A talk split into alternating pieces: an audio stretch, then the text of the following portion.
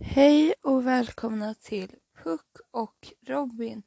Som ni redan vet så är mitt namn Maj Landahl och jag leder igenom hela podcasten.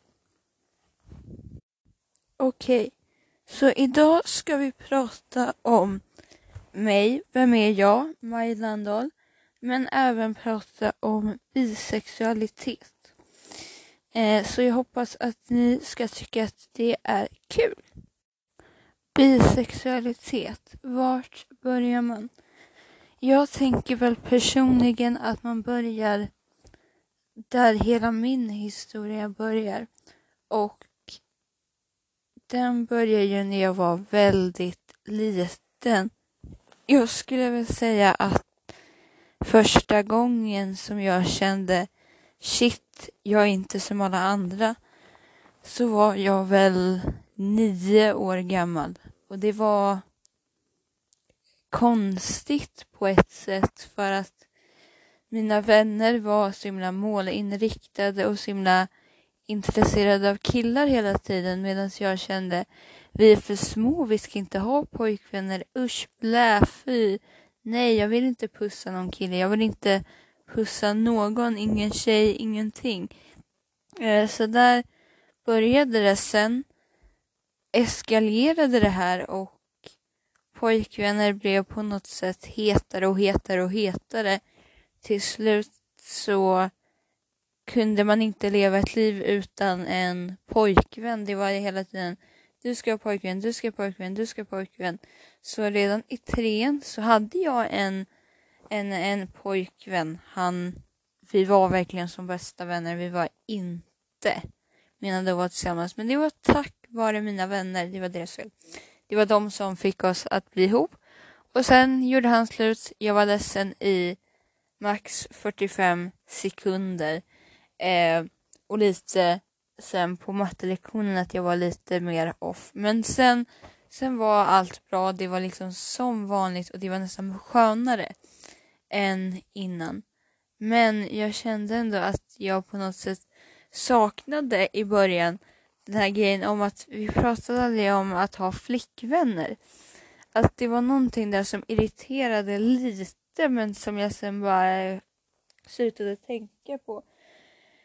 Um, och sen kom vi till årskurs fem när det faktiskt på riktigt blev så att jag verkligen var målinriktad på att jag verkligen tänkte på det för då hade ju pojkvänner blivit hetare än någonsin. Alltså det var så hett att ha en pojkvän att det liksom du kunde liksom brinna om du hade en pojkvän. Alltså du var så het om du hade en pojkvän och din pojkvän var fett het. Eh, och då snackar vi mycket om pojkvänner i virtuella spel, Movistar Planet och MSP där man kunde skaffa pojkvän. Och mycket där, var det någon man var tillsammans med på riktigt? Var man kär i den personen på riktigt? Hur låg det till? Och jag kunde inte bry mig mindre. Jag minns i femman kunde jag stå, lyssna på mina vänner när vi körde sanning och konka, pratandes om de virtuella pojkvännerna och jag kunde aktivt stå själv och bara tänka på någon jättesnygg tjej och hennes händer specifikt. Och jag, jag var inte den som såg det som något konstigt utan jag tyckte väl mest att men varför jag tänker på den här tjejens händer eller varför jag tänker på någon tjej jag såg i omklädningsrummet. Ja, men det är ju för att jag jämför ju oss med varandra. Det är ju bara tack vare pubertetsgrej. Det är väldigt mycket det här att jag trodde inte att det här skulle vara kvar för evigt. Att det satt i liksom hormoner att göra utan jag trodde ju ärligt talat att det här har någonting med, med puberteten att göra, det kommer försvinna. Efter, och det var mycket eftersom att jag läste Kropp och knopp i KP-tidningarna. Där det stod mycket om att allt var så himla normalt och allt som folk var så himla oroliga över, du behöver inte oroa dig för det var så himla normalt hela tiden. Så jag var ju aldrig oroad över att jag gillade tjejer. Jag tänkte bara det är normalt, det kommer försvinna när jag inte är i puberteten. Så det jag var orolig var ju att min pubertet skulle hålla på tills jag var liksom klimakteriet. Eh, så att jag skulle gilla tjejer så länge. Men det, det blev ju aldrig riktigt så att jag gillade tjejer på det sättet, pubertetssättet längre. Och sen så, så jag fattade väl ganska snabbt att jag gillade just tjejer. Och när jag var kanske 11 så insåg jag, fattade jag att jag måste vara bisexuell. Alltså jag måste vara det. Jag kan inte vara något annat. För jag fick panik över att jag var tvungen att välja ett kön som jag skulle älska för resten av livet. Ett kön fick jag välja att älska. Jag fick panik över det. Och fortfarande idag när jag har, har blivit, ja men jag är väl ja men nästan fyra år äldre och jag är väl fortfarande liksom panikslagen över att jag kanske måste välja ett kön.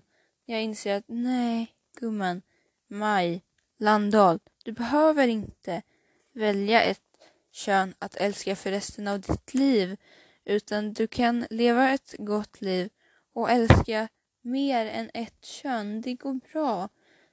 Det, det handlar bara om att leva lycklig. Och sen dess har jag väl insett det, har jag väl levt ganska lyckligt liv, skulle jag säga. Men så skolgårdsmiljön var jättedålig. Även det, jag och mina vänner, vi passade aldrig ihop som grupper och vi fick aldrig hjälp av lärarna att få bort oss från grupperna så det blev ganska mycket kaos i den åldern. Och jag kände mig utanför mycket för att de pratade om killar och jag kunde inte riktigt relatera till den här grejen. Vad, var, jag fattade inte vad som var grejen med killar hela tiden. Och när jag var 12 år gammal, det var nog första gången jag kom ut till en människa. Eh, så jag och en vän hade bråkat mycket på sms och så, så frågade jag henne, har du en pojkvän eller flickvän? Och hon blev helt ställd mot ett hörn. Hon fattade ju ingenting. Varför sa jag flickvän av allting? Hon hade väl förväntat sig att jag kanske skulle fråga om hon hade pojkvän. Vilket jag såg som naturligt att du kan inte fråga en person om de har, om den personen, om hen, hin har ett x antal kön som partner. För du har ingen aning, det kanske är en icke-binär partner. Ja, nu har ju inte jag använt han, hon, hen i det smset, men jag använde ändå, har du en flickvän eller en pojkvän? Det var väldigt inkluderande för det var så jag ville att andra skulle prata med mig, vilket de inte gjorde. De tog det väl mest från pojkvänsperspektivet och att jag skulle gilla killar. Eh, och med tiden så gick så blev vi väl argare och argare på varandra. Och hon fattade ingenting och sen så bara sa jag det. Och vi var inte ens speciellt nära vänner. Alltså jag ville egentligen inte ha någon kontakt med henne. Men jag ville väl ändå få slut på allting och sa nej, vet du vad, jag är bisexuell. Och jag hade inte tänkt igenom det innan. Jag hade liksom inte ens, jag hade inte ens fattat att jag var det, bisexuell. Men det bara kom ut och blev fantastisk känsla tills att jag började skämmas något enormt. Alltså jag skämdes så mycket att det var sjukt. Och då kan vi fortsätta den här historien med att min mamma såg alla sms jag hade skickat till henne. Allt rubbet. Hon läste igenom rubbet vi hade skickat i sms-form och läste och såg, ja ja, bisexuell, är du det? Och jag sa nej för jag skämdes ihjäl för att jag hade kommit ut och sagt det till en människa. För det här var ju super, super hemligt och ingen skulle få veta och där är bara puberteten en fas som säkert går över någon gång vid klimakterietåldern. där eller tidigare, när bara puberteten, 20-årsåldern kanske det skulle försvinna, trodde jag ju då. Så då var det ju min inre homofobi som bara kickade in och jag sa ju till min mamma, nej, jag är inte bisexuell, nej, nej, nej. Självklart inte. Nej, varför skulle jag vara bisexuell? Det går ju liksom inte. Det är inte sant. Det är bara en skrönare där. Det är där. Nej, nej, nej. Så jag viftade bort det och sa nej till det. Sen kommer vi till dagen då jag fyllde 13. Jag var inte jätteglad då. Jag ska säga att jag har levt med väldigt mycket tack vare min autism så får jag väldigt upp och ner med att depressioner kommer och går i vågor och det är jättejobbigt. Ehm, men jag har helt enkelt levt med det stora delar av mitt liv sen jag var kanske 11, 10, någonstans där. Och den här sommaren så mådde jag ju piss som alla andra somrar. Jag hade ingenting att göra och jag mådde skit. Och då, på min födelsedag, så på kvällen där, så kände jag, nej, nu är det dags att komma ut. Jag gör det, jag försöker igen. Nu kan jag liksom säga förlåt till mamma för att jag ljög och komma ut till hela min släkt.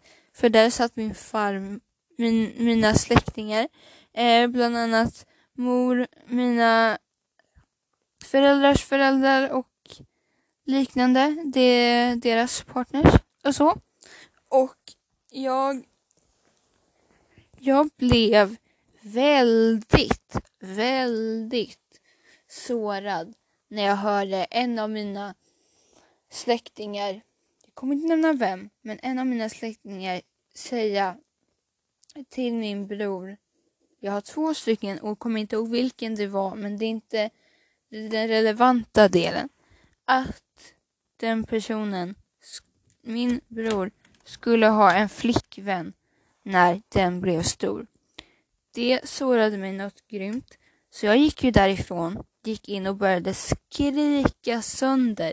Jag var så arg att jag grät.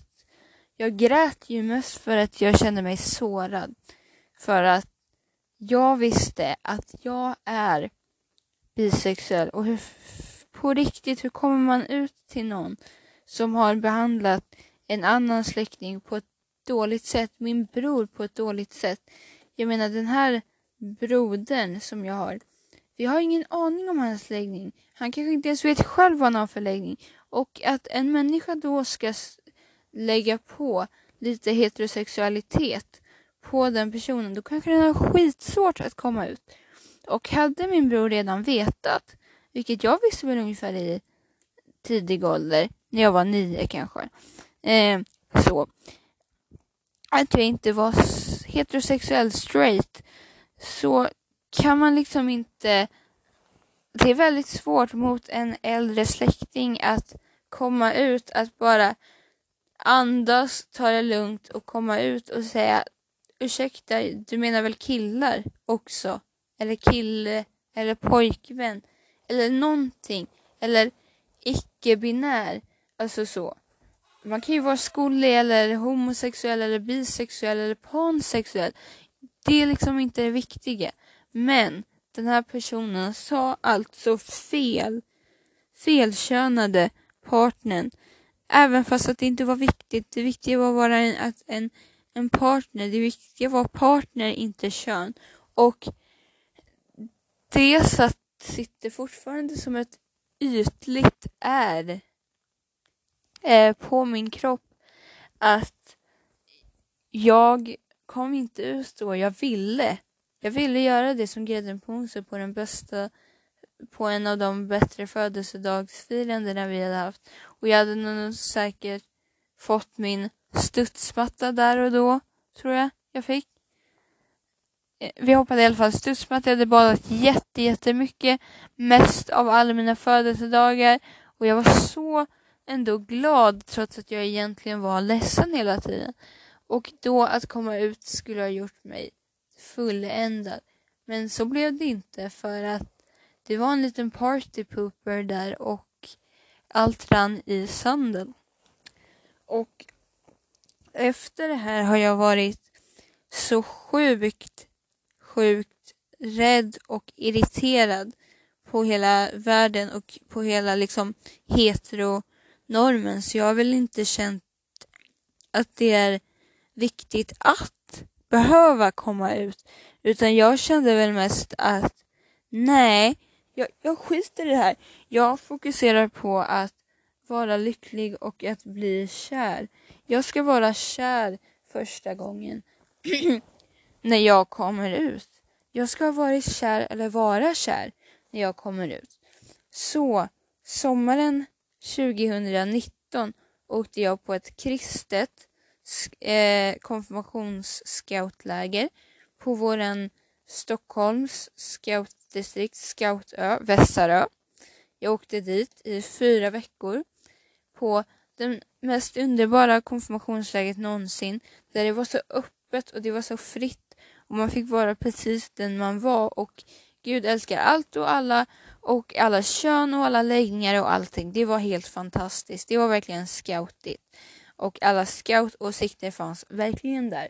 Och jag mådde som en prins, ska jag säga. Och där och då blev jag så kär i den här tjejen. Alltså jag har än idag inte varit så där kär i någon människa. Alltså hon hade brunt hår och vackraste händerna någonsin, snygga ögon. Och jag, tack vare autismen, har ju jag väldigt svårt för att titta folk i ögonen. Alltså jag, jag, jag, jag, jag mår illa, jag blir överstimulerad. Jag kan inte tänka normalt när jag tittar någon i ögonen. Men här och där och då så var det liksom, jag kunde lugna ner mig. Jag tittade in i hennes ögon, det var fantastiskt. Dock gjorde inte jag det för jag var så rädd att jag skulle avslöja för henne att jag var kär i henne. Så, men så. Och min bästa kompis, min ena kusin och jag, vi pratade mm, hela tiden om det här och hon försöker verkligen peppa mig och hjälpa mig och se till så att den här soffan inte skulle förbli en soffa utan skulle förbli bli till någonting mer. Att jag skulle få veta vad känner hon för mig. Eh, om vi ska ha lite party poopers igen då, då lite trevliga grodor så här så kan jag ju säga att hon var extremt eh, straight och om hon hade varit intresserad av en tjej så hade det nog varit en annan tjej från det här konfirmationslägret. Så. Eh, det hade inte varit jag utan det hade varit en annan person. Så. Som hade varit intresserad av. Men framför allt killar. Alltså 99% killar. Verkligen. Och det jag var så himla krossad efter det där för jag hade aldrig känt såna här känslor och jag var verkligen nere på botten, alltså depressionen och allt bara hände och jag kände mig värdelös. Um, och all, all den här autismdepressionen bara dippade ner och jag kände skit mycket ångest och det var det var, det, det var inte kul. Och det är fortfarande inte kul när jag börjar tänka på det igen. Nu har jag väl börjat skriva ner mina dagboksanteckningar i hatbrev till henne som jag aldrig kommer skicka till henne. Men det är ett sätt att komma över det för mig. Ingen kommer se det, jag kommer inte läsa det igen och det är bara borta, frustrationen kommer ur kroppen. Basic, enkelt, jag älskar det. Eh, och sen då så var det ju väldigt svårt att våga bli kär igen. För jag var under hösten, vi så var jag ju väldigt kär i henne och sen så blev det ju så att till, till och med oktober någon gång där så blev det liksom finito med det här. Och i oktober 2019 det var faktiskt första gången jag gjorde en stor grej av att komma ut till någon. Jag hade redan kommit ut som bisexuell till min kusin, min ena kusin. Och hon var liksom, hon är den största Alin någonsin. Jag vet inte om hon är straight men jag bryr mig inte. Och hon är så stor ärlig att det liksom är hon är mer ärlig än min pappa pappa och han är riktigt ärlig. Alltså, damn, jag har de bästa släkten någonsin. Och hon liksom bara, hon fattade väl inte från början att det var sant. Hon trodde mest att det var lite mer fasaktigt och lite så. Men hon var liksom så här, mm, det spelar ingen roll, det är liksom fine för mig. Om du mår bra så mår jag bra. Och det blev verkligen så. Att vi mådde väldigt bra där och då. Ni kunde prata om det med en enda person. Men jag hade varit hemma hos min mormor någon vecka tidigare innan min lillebror skulle ha släktkalas. Och då hade jag fått panik över att jag kände att jag behöver berätta för henne att jag är bisexuell. För hon kanske dör imorgon och då har jag inte fått vara den jag är inför henne. Och jag ville verkligen tacka henne för allting hon hade gjort och hur mycket hon hade inspirerat mig och hur mycket jadi jadi hon hade gjort för mig. Och det var ångest över att jag inte hade berättat tidigare. Inte berättat när jag var 13, inte när jag var liksom 9 eller någonting. Jag hade aldrig berättat. Så jag samlade modet, tog även ett brev, skrev till min farmor. Eh, tänkte posta dem. Tänkte att de skulle öppna när de kom hem. Tänkte att jag inte skulle vara där i rummet. Men så kom dagen, de kom hit. Jag gav dem breven och de läste och jag, jag, jag fick panik. Alltså jag har aldrig varit så rädd i hela mitt liv som då. Alltså jag trodde att jag skulle dö. Jag fick panikens panik. Alltså jag gick upp, stängde mitt rum. Jag önskade nästan att jag hade lås på mitt rum så ingen kunde komma in, så ingen kunde veta vad som hänt. Mina föräldrar visste ju ingenting, varken om att jag var bisexuell eller om att jag hade tänkt komma ut eller om någonting. De hade ju verkligen ingen aning om någonting. Så det var lite skrämmande att de var liksom helt ovetande och mina gammelsläktingar fick veta allt. Men så var det i alla fall, för jag kände väl att mina föräldrar, de behöver inte komma ut till på samma sätt som de gamla. För att de gamla förstår inte på samma sätt och de kanske inte visar samma typ av kärlek och pratar mer med grodor än vad mina föräldrar gör. Så därför var det för mig logiskt att komma ut på det sättet.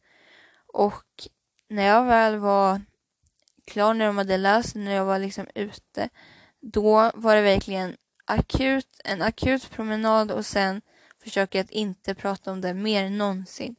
Och jag är väl ganska fientligt eh, agerande som jag har använt och det är väl kanske för att jag är rädd för att de ska hata mig.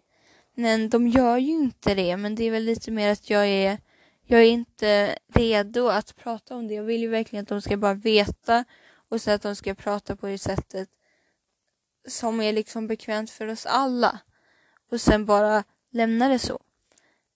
Um, och sen dess har de väl inte pratat så mycket mer om den här kärleksbiten och det med mig. För att de känner väl att det är för mycket stigma kring allt det här. Och då var jag helt enkelt ute på den jobbiga delen. Jag kommer till min andra kusin och även lite på Instagram stories har jag ju berättat att jag gillar tjejer och jag gillar killar och bla bla bla. Men nu kommer vi till det här att jag är inte säker. Jag vet att jag är bisexuell, mer än två kön. Men om det är tjejer och killar, det vet jag inte. Om det är tjejer och icke-binära, det vet jag inte. Om det är tjejer och bara typ transpersoner. Alltså så här, det är inte viktigt. Jag vet att det är mer än bara tjejer. Så jag är inte homosexuell. För varje gång som jag säger att jag kanske ändå är gay, homosexuell, jag får panik. För då måste jag välja ett kön och liksom ignorera attraktionen till andra kön och jag får panik. Alltså jag har aldrig haft så mycket panik som när jag har trott att jag har varit gay eller typ pansexuell. Så. Så jag är verkligen en sån person som mår bra av att vara bisexuell och bisexuell är mitt, mitt liksom så skal. Det är det verkligen jag. Maj Landahl är. och förblir bisexuell. Och efter den här soffan-incidenten, den här första tjejen jag var kär i, så under den hösten så var det lite upp och ner med henne och jag kände väl att, inte direkt som att vi dejtade, men jag skrev ju väldigt mycket till henne och allt jag kände och hur jag kände och allt sånt. Hon skrev ju verkligen minimalt tillbaka. Så där är det väl ett tips. Skriver någon minimalt tillbaka och typ tack och några utropstecken eller hjärtan. Bara gå inte på det som att hon också gillar dig utan bara tänk att ni ska skicka lika mycket kärlek åt båda hållen. Om inte det är första meddelandet, gå inte heller för hårt ut utan tänk på att du inte liksom ska berätta hela din livshistoria på första meddelandet och att hon ska bli helt överväldigad och bara känna shit gud nej, fy vad jobbigt det här blev. Utan ta det långsamt och lugnt för ni har hela livet på er om det nu går bra. Så, så fucka inte upp heller, det är ett, ett starkt tips.